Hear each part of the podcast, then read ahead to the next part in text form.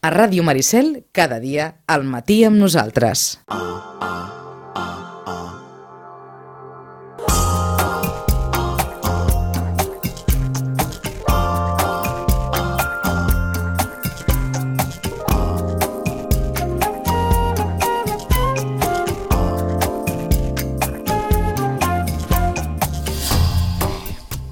ja hem aturat el radiador perquè estàvem aquí com a, com a torrons i a l'altre costat del fil telefònic saludem la Rosana Lluc. Rosana, bon dia i bona hora. Hola, molt bon dia. Els llibres més venuts continuen sent els dels darrers dies? Sí, la veritat és que sí. Jo ara et sentia i deies, bueno, no hem perduda. Um, de fet, en ficció en català... Uh... Anava, anava a dir, hem fet com feia abans la Guàrdia Civil. No diga que li han robado el sí. DNI diga que lo ha perdido. Diga doncs a nosaltres ens ha passat, ens ha passat més o menys el mateix, però, però no, és tan, no és tan greu, no és tan greu. Uh, tenint a la Rosana no, no és tan greu. Dèiem que en la llista dels llibres més venuts pel que fa al català mm -hmm. en ficció, diguéssim, en el que són les novel·les, seria, eh, bé, continua la Marta Rojals al capdamunt de tot amb la seva altra, eh, l'altre, aquell llibre que ja, ja us vam dir que, sí. que que sobtava, no? que era una, una literatura fresca, una literatura nova i, per tant, que tindria un èxit. I sí, l'està tenint, l'està tenint molt. I darrere hi ha un autor que, evidentment, ja va ser èxit amb l'altre llibre i és el Gaspar Hernández amb la seva terapeuta. Eh? Mm. És un llibre que, que fa molt poquet que ha sortit i serà també, vaja, almenys els editors creuen que serà també un dels llibres de Sant Jordi. D'acord.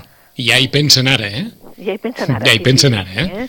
I darrere, darrere mateix d'aquest, doncs, el, el de la Iolanda Bataller, uh mhm. -huh. faré tot el que tu vulguis. Que és un altre dels, dels que estan al capdamunt les darreres setmanes. Les darreres setmanes. Això, per això et dic que darrere doncs, ja tenim el Sergi Pàmies... El... Que l'acaba de traduir ell mateix al castellà, em sembla? Sí, el mm. Rafael Nadal, saps? Vull dir, diguéssim que en català no s'ha mogut, a partir d'aquí ja no s'ha mogut gaire, mm -hmm. eh? Mhm. eren els mateixos que, que teníem. D'acord. Sobre el Harry Quever, etc. En castellà, pel que fa a castellà, mm, tenim la Llengde, com a amb el seu Juego de Ripper, que te'n recordes que era aquest sí. gir cap a la novel·la més aviat de caire policiac, no? I després tenim llibres que han estat a la llista durant bastant temps. En català el tenim al sisè lloc, La veritat sobre el Harry Quever, en canvi en castellà el tenim en el segon lloc. Mm -hmm suposo que també fruit de que doncs, aquest, aquesta setmana negra que hem tingut doncs, també... Ha ajudat, eh? eh? Ha ajudat. Ha ajudat, eh? Per això, en tercer lloc, també hi ha el Legado de los Huesos, de la Dolores Redondo, i després ja tenim el Cielo Vuelto, que és el Premi Planeta d'aquest any. Dispara y estoy muerto, de la Julia Navarro, i després amb el Cotton Loco, que si te'n recordes tu ja et va sobtar l'altre dia de que, sí. feia això. Doncs... Enmig, aquí al mig, eh? Aquí al mig, aquí al mig continua estant. Pel que fa a la no ficció, és curiós perquè en català comencem amb La frontera invisible del Kilian Jornet.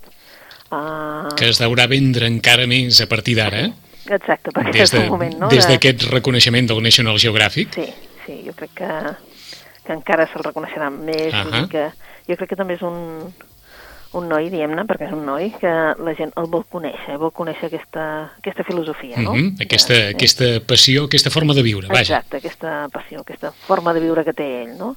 Després tenim la Pilar Sant Pau, amb un llibre que és Menjar bé, una qüestió, eh, el Germà Bel, amb l'anatomia d'un desengany, testimoni de càrrec, les memòries polítiques del, del Quim Nadal, mm -hmm i després tenim ni tan alt ni tan difícil un altre, un altre esportista, l'Araceli Sagarra, eh? Que aquesta alpinista catalana que, que narra les seves proeses. Mm -hmm. molt, comença, molt eh? mediàtica també. Molt, exacte. Després tenim Servir Catalunya, mm, aquesta entrevista amb el, amb el Mas, diguéssim, les sí. converses amb eh?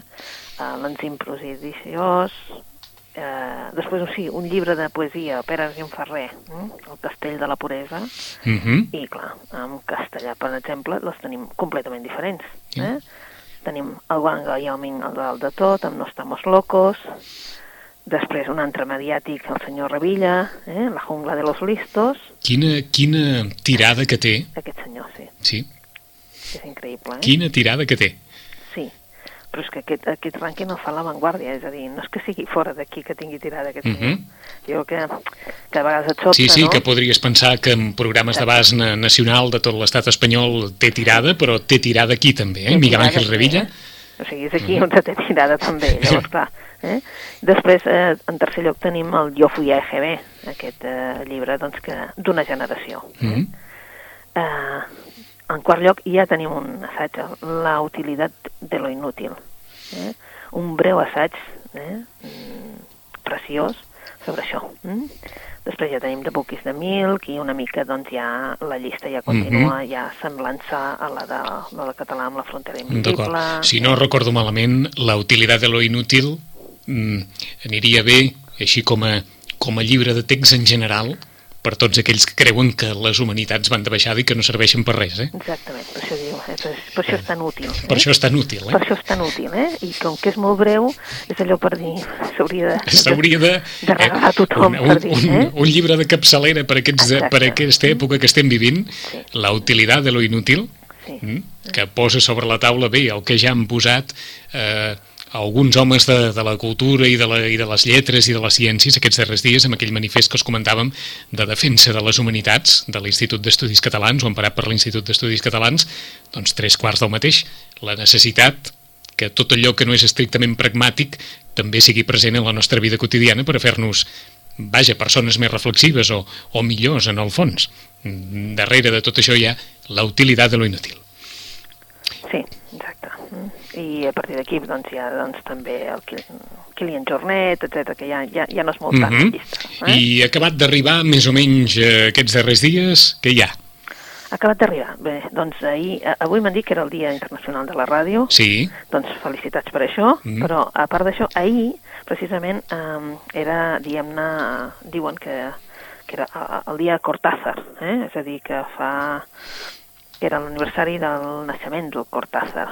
No tinc massa clar perquè allò que eh, t'arriba un correu electrònic que s'hauria de fer i tal, i bé, sí.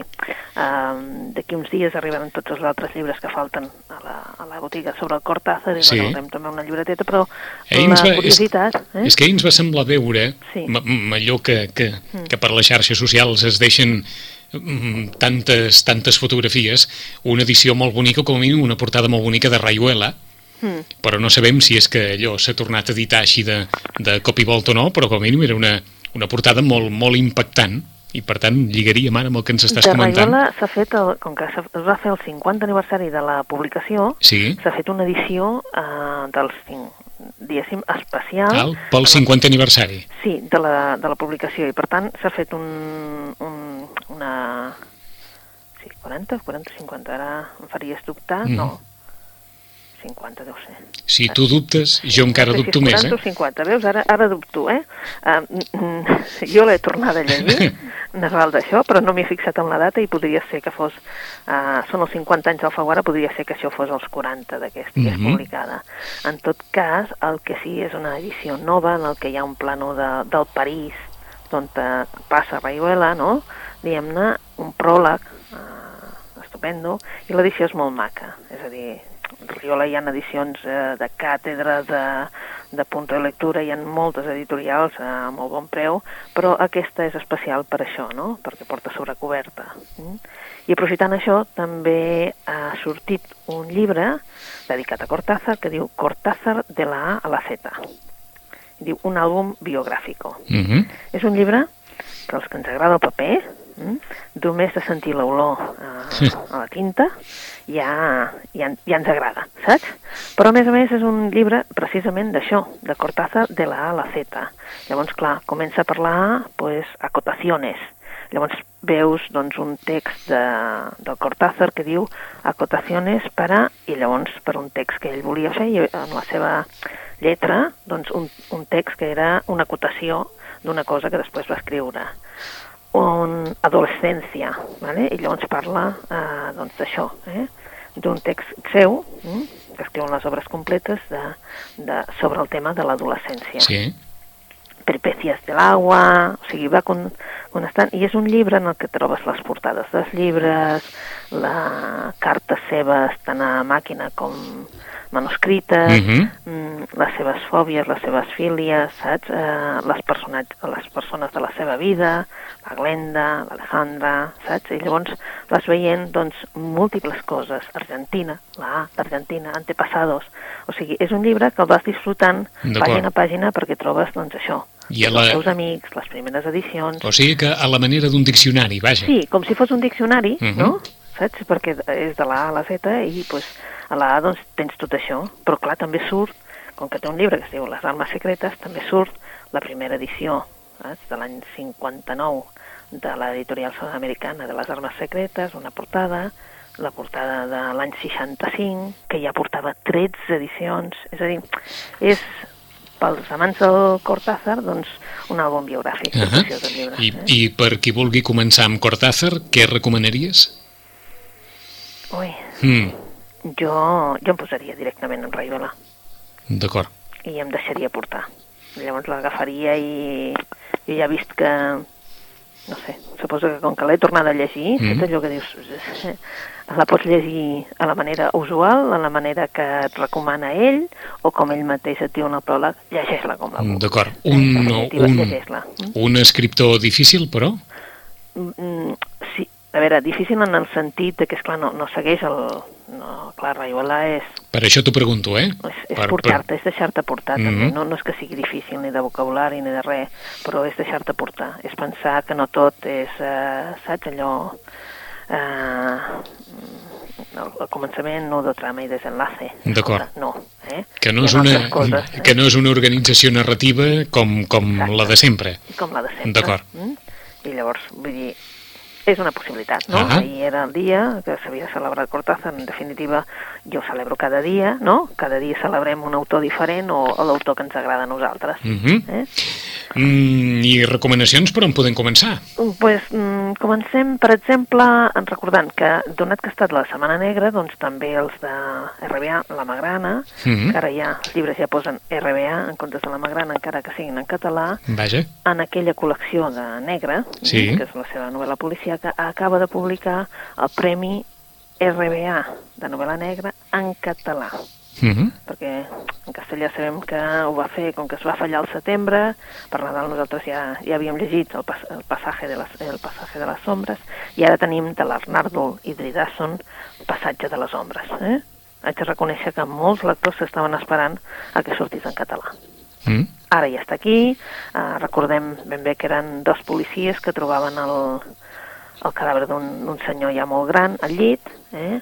perquè la seva veïna havia trucat a la policia. Arrel d'això, tirem enrere i aquest senyor el veiem doncs, que havia estat, eh? era un senyor que havia vingut com a soldat Canadà, de Canadà a Islàndia i que havia estat doncs, buscant eh? un cas, un cas d'una noia que va aparèixer morta en un teatre en ruïnes a la guerra. Mm? A partir d'aquí, doncs, eh, l'inspector una altra vegada torna a buscar què passa amb aquest senyor i per què aquest senyor estava seguint ara aquell cas de feia tants anys. Mhm. I per això tenim el passatge de les ombres. Mm? De Arnaldur Indridasson. Indridasson, sí. Eh? I entra una novel·la també eh, d'aquestes de Roja i Negra, que és la, la col·lecció, i que en català publica Rosa dels Vents, eh? que sembla que, que és d'aquelles que tenen aquells trailers, perquè aquests han, fet, han fet un tràiler del llibre i també et sobta moltíssim. I diu, i tu quina mena de mare ets? Caram. eh? de la Paula Daly. Què ens presenten aquí? Doncs ens presenten amb una, eh, amb, amb una dona, no? una, una noia, la Lisa Calisto, eh, bé, pues com una altra, eh? una mare treballadora amb tres fills, que, esclar, mm, està doncs, bueno, col·lapsada absolutament per tot, perquè abans semblava que tenia temps quasi per tot i ara no té temps per res, ni per dedicar-se a ells, i se sent també culpable perquè està treballant i no es pot dedicar prou als fills.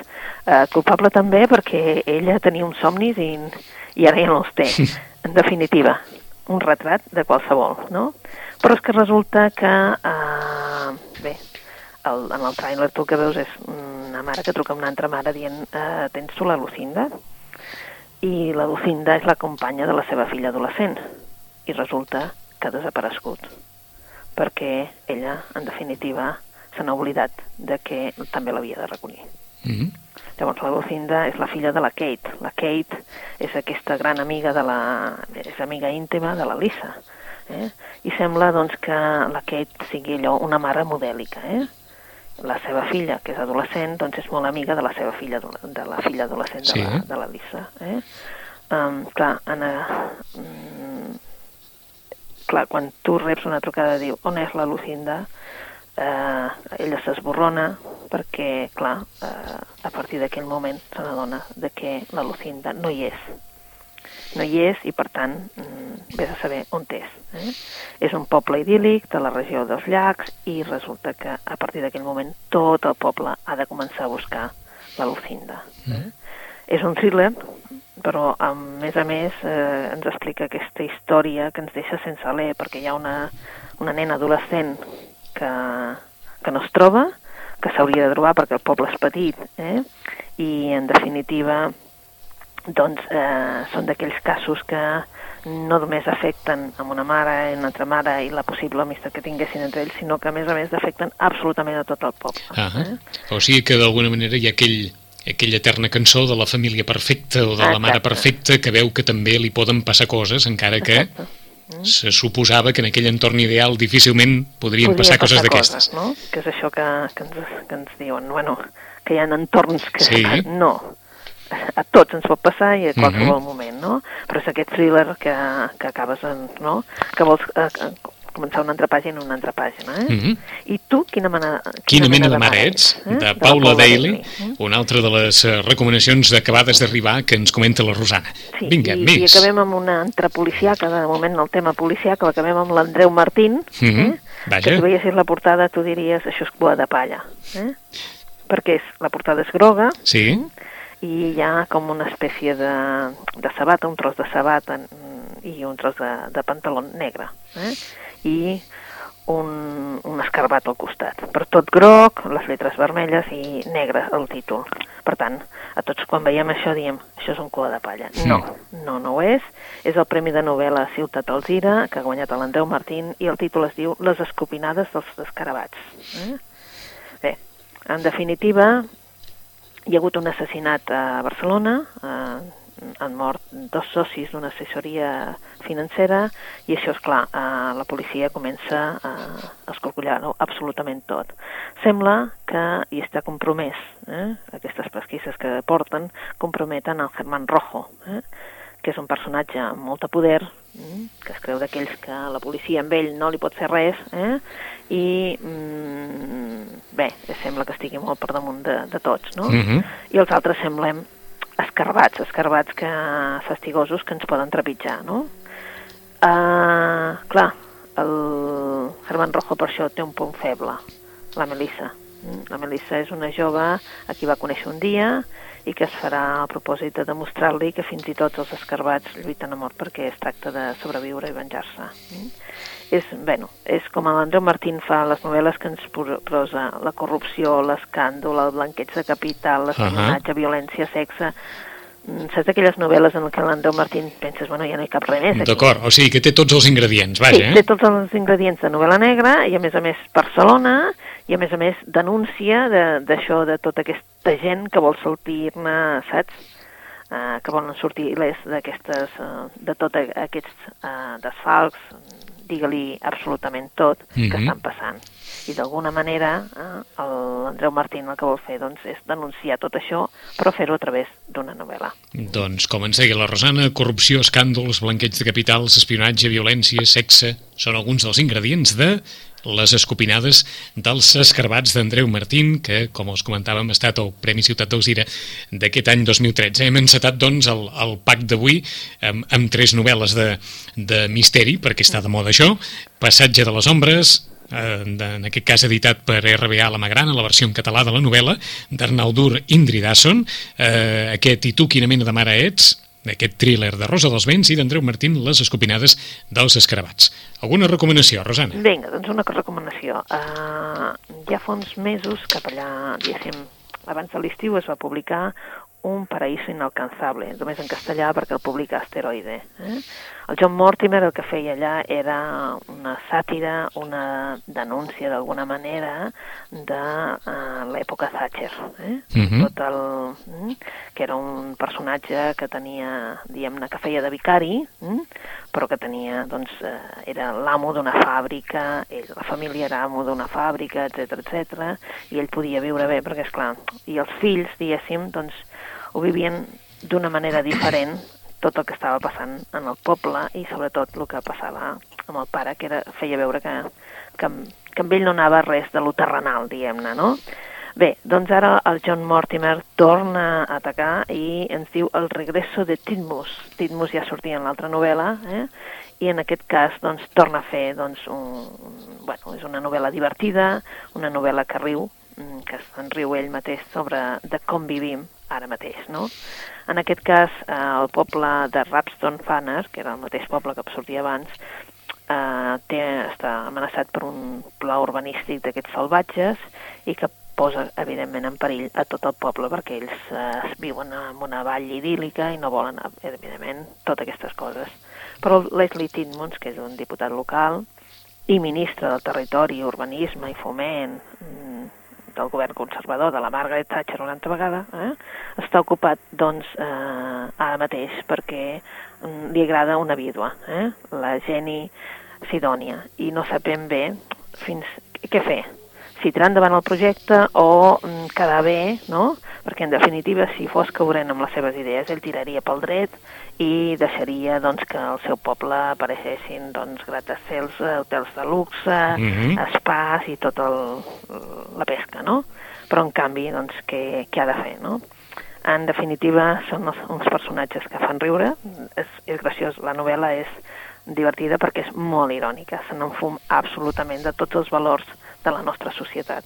I això és el que fa que les novel·les del John Mortimer acabis tu amb un somriure perquè veus retratat no, com és cada un dels personatges. Mm -hmm. Gairebé diríem que típicament anglès, eh? Sí, sí, sí, la veritat és que sí, és molt anglesa, s'ha de reconèixer. Jo m'ho vaig passar molt bé amb un paraíso inalcançable, però és que és típicament anglès, eh? Mm -hmm. És a dir, sempre de, des d'aquella distància, però en definitiva, doncs que eh? aquella, tots tenim un preu. Aquella eh? visió irònica, crítica mm. i amb humor de la, de la condició humana. El regreso de Titmus, de John Mortimer, l'home d'un paraíso inalcanzable, en aquell moment un retrat contundent de l'època Thatcher i ara un retrat, vaja, gairebé diríem de, Mm. Si tot té un preu, doncs fins a quin punt eh, eh, ens poden pagar per determinades coses. La ironia sobre la nostra societat, aquesta visió crítica de John Mortimer, que els pot fer passar, com, com en el cas de la Rosana, una molt bona estona sense deixar la, la vida quotidiana. Per on seguim? Per on seguim per un altre que es diu El temps dels tigres, El tiempo de los tigres, de la Lisa Klausman. Ha sortit en català, editat per columna, en castellà editat per Lumen, i és una autora que no coneixíem, però que la veritat és que um, els seus, el seu llibre, en aquest cas, doncs, és un llibre d'aquells llegidors, saps? D'aquells que agafes i dius, entretingut. Per què? Doncs el temps dels tigres ens, ens parla d'una època, precisament. Eh? Mm, una època que és estiu i ja sabem que quan fa calor, doncs, eh, tot té un gust diferent, no? Vull dir, diem-ne que mm, la gent sembla que tingui més desig, mm, el crim doncs, eh, té un punt més de perversió, eh, hi ha alguna especial en tot el que s'ambienta a l'estiu, no? diu el mateix autor, i el que fa l'autora la, en aquest cas és posar-nos doncs, tot això amb una menció, amb una menció d'aquelles que veiem a les postals perquè està a Martha's Vineyard, eh? Uh, els americans mm -hmm. on, on, allà, eh? on estiuejaven els Kennedy, no? Exacte, eh? doncs, eh, doncs eh? o sigui, tots aquests americans mm -hmm. més potents doncs, poden anar eh? cap allà. Eh? doncs bé, descobrim a, a dues, dues dones, l'Helena i el Nick, i la Nick, perdona, que són dos dones, dos dones que són cosines, eh, són joves i en definitiva, elles passen el dia doncs, allà asseguretes al jardí i prenent-se gin tònics, eh? Vull dir, xerrant i ben passa, veient passant la vida. Mm?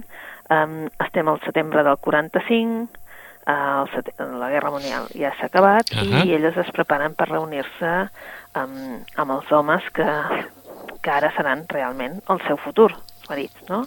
Mm. Però els anys passen i res o quasi res és el que sembla. Eh?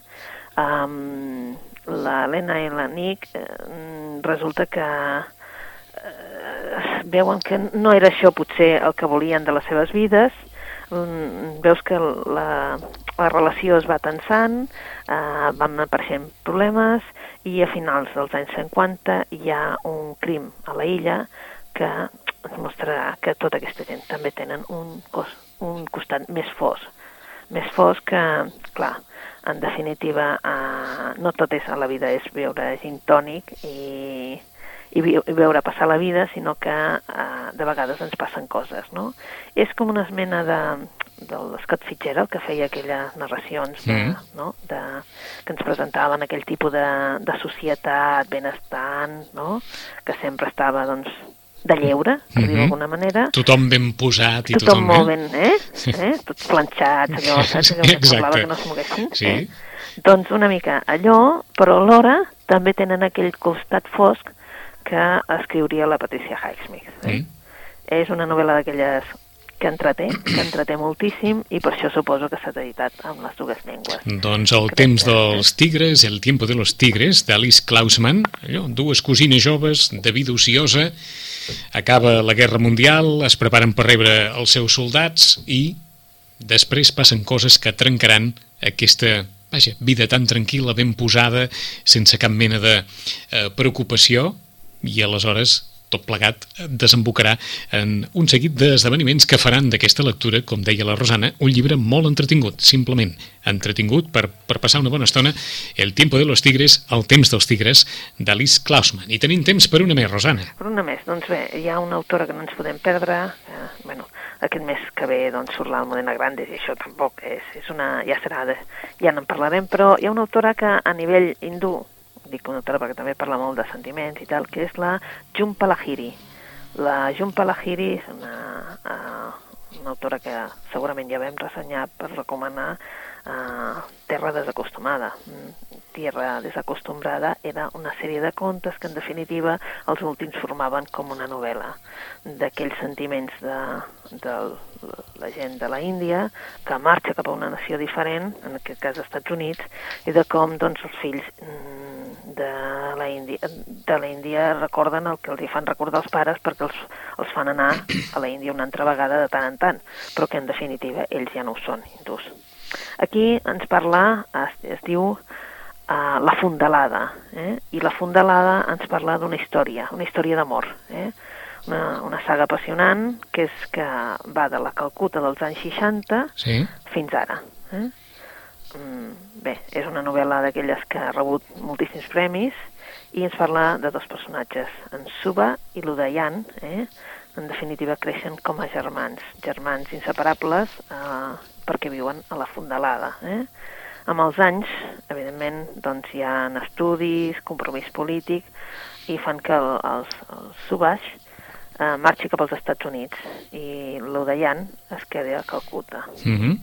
Hi ha una tragèdia que trasbalsarà eh, els destins de, de tots dos i obligarà en Subaix a tornar a la Índia.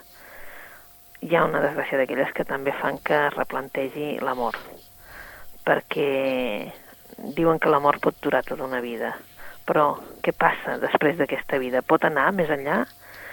En definitiva, eh, és una història molt potent, que la Jumpalahiri vindrà un dia d'aquests també a explicar-la a Barcelona, perquè volen que sigui una mica més coneguda.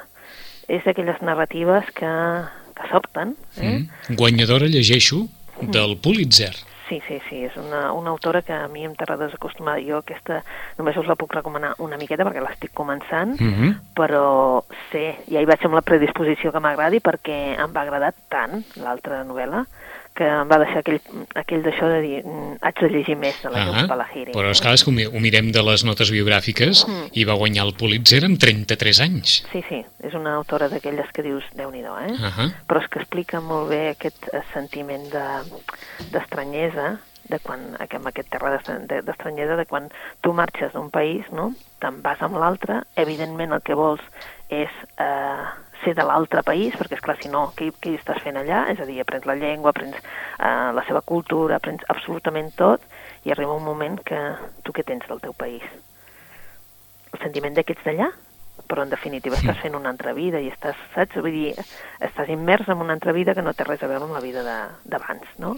I en aquell primer el que feia és això, no? Posar doncs, l'exemple doncs, d'una vida de, de gent que anava allà i que, és clar, vull dir, imagina't doncs, que si tu sempre has anat un sari, de cop i volta vagis amb uns texans i, un, i, i amb un anorac a l'escola. Mhm.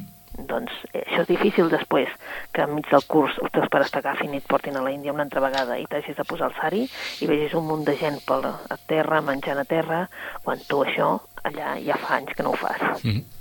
Saps? Vull dir, és un, aquest sentiment d'estrangesa davant de tot, que ell explicava molt bé, i ara en aquesta història d'amor és una història com a molt lírica, molt, molt bonica.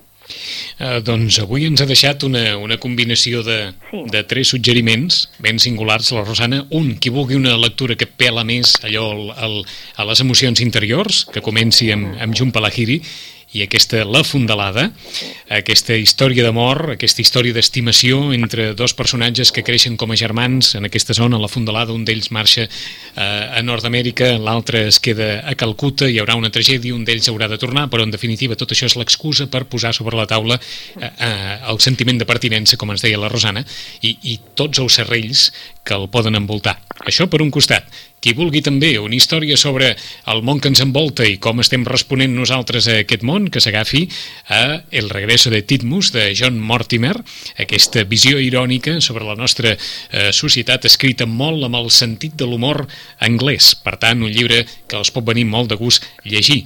I qui vulgui un llibre directament entretingut, una història entretinguda, la que viuran aquestes dues cosines que des de Martha's Wineyard, el paradís dels Kennedy, el lloc on les famílies riques dels Estats Units voldrien anar a estiuejar, però no totes poden tampoc, passaven una molt bona vida fins que el setembre del 1945, acabada la guerra, es preparen per rebre eh, les seves parelles, els soldats que tornen de la guerra, i després tot es trasbalsarà en una història, com els dèiem, entretinguda, signada per Alice Klausman. En 15 dies hi tornem i, com no, més recomanacions literàries. Bona lectura, Rosana. Molt bona lectura. Adéu-siau. Adéu.